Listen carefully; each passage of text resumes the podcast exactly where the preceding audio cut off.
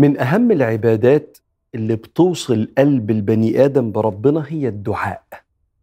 إنك تقف على باب ربنا وتطلب منه احتياجاتك. ولما ربنا وصفنا سمانا الفقراء يعني اللي محتاجين له. يا أيها الناس أنتم الفقراء إلى الله. والله هو الغني الحميد.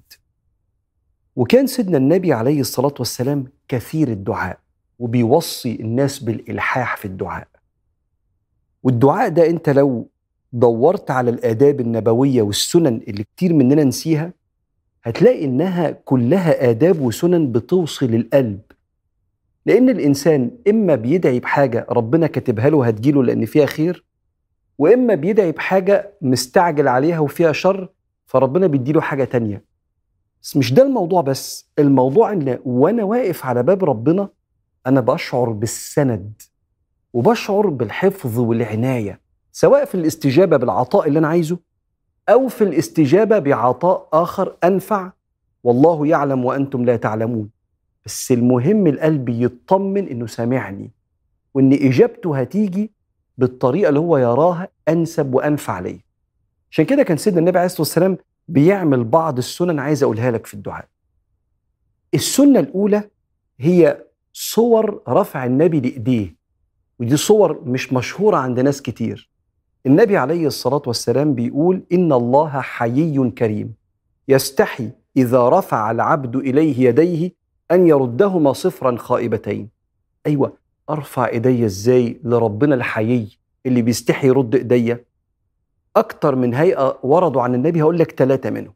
الهيئة الأولى الدعاء اللي النبي عليه الصلاة والسلام كان بيظهر فيه بياض إبطيه يعني يرفع إيديه بياض الإبط الدراع من هنا كده فكان يرفع إيديه فكم الجلابية الثوب بتاع النبي عليه الصلاة والسلام يقوم نازل لأنه كان واسع فبياض الإبط يبان. الهيئة الثانية كالمستطعم يضم يده إلى بعضها كده كالمستطعم كأنه بيطلب فيدعي كده. الهيئة الثالثه إنه كان يشاور باصبعه فيدعي وهو يشير بالسبابة كده إلى السماء. دول ثلاثة من هيئات وسنن النبي اللي كتير مننا ما يعرفهمش في رفع النبي عليه الصلاة والسلام الدعاء يديه في الدعاء. السنة الثانية هي سنة استقبال القبلة. سيدنا عمر بن الخطاب بيقول كنا مع رسول الله في بدر في غزوة بدر وكنا 300 ونيف، نيف يعني شوية، كنا 300 وشوية، كان 314 فنظر النبي إلينا ثم نظر إلى المشركين فإذا هم ألف فاستقبل النبي القبلة ورفع يده وقال اللهم نصرك الذي وعدت إلى آخر الدعاء بتاع غزوة بدر. فهو نظر ونظر وبعدين إحنا محتاجين ربنا قوي. فين القبلة يا جماعة؟ والقبلة بيتوجه الإنسان بصدره ووجهه للقبلة. فتتوجه للقبلة لو قدرت إنك تعمل كده. السنة الثالثه هي محاولة استحضار القلب.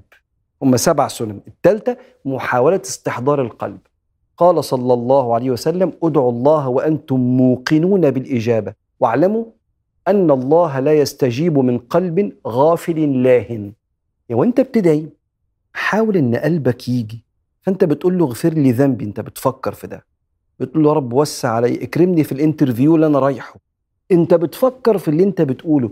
واطلب من ربنا أي حاجة ولا تستحي من ربك. بس حاول إنك أنت تستحضر قلبك.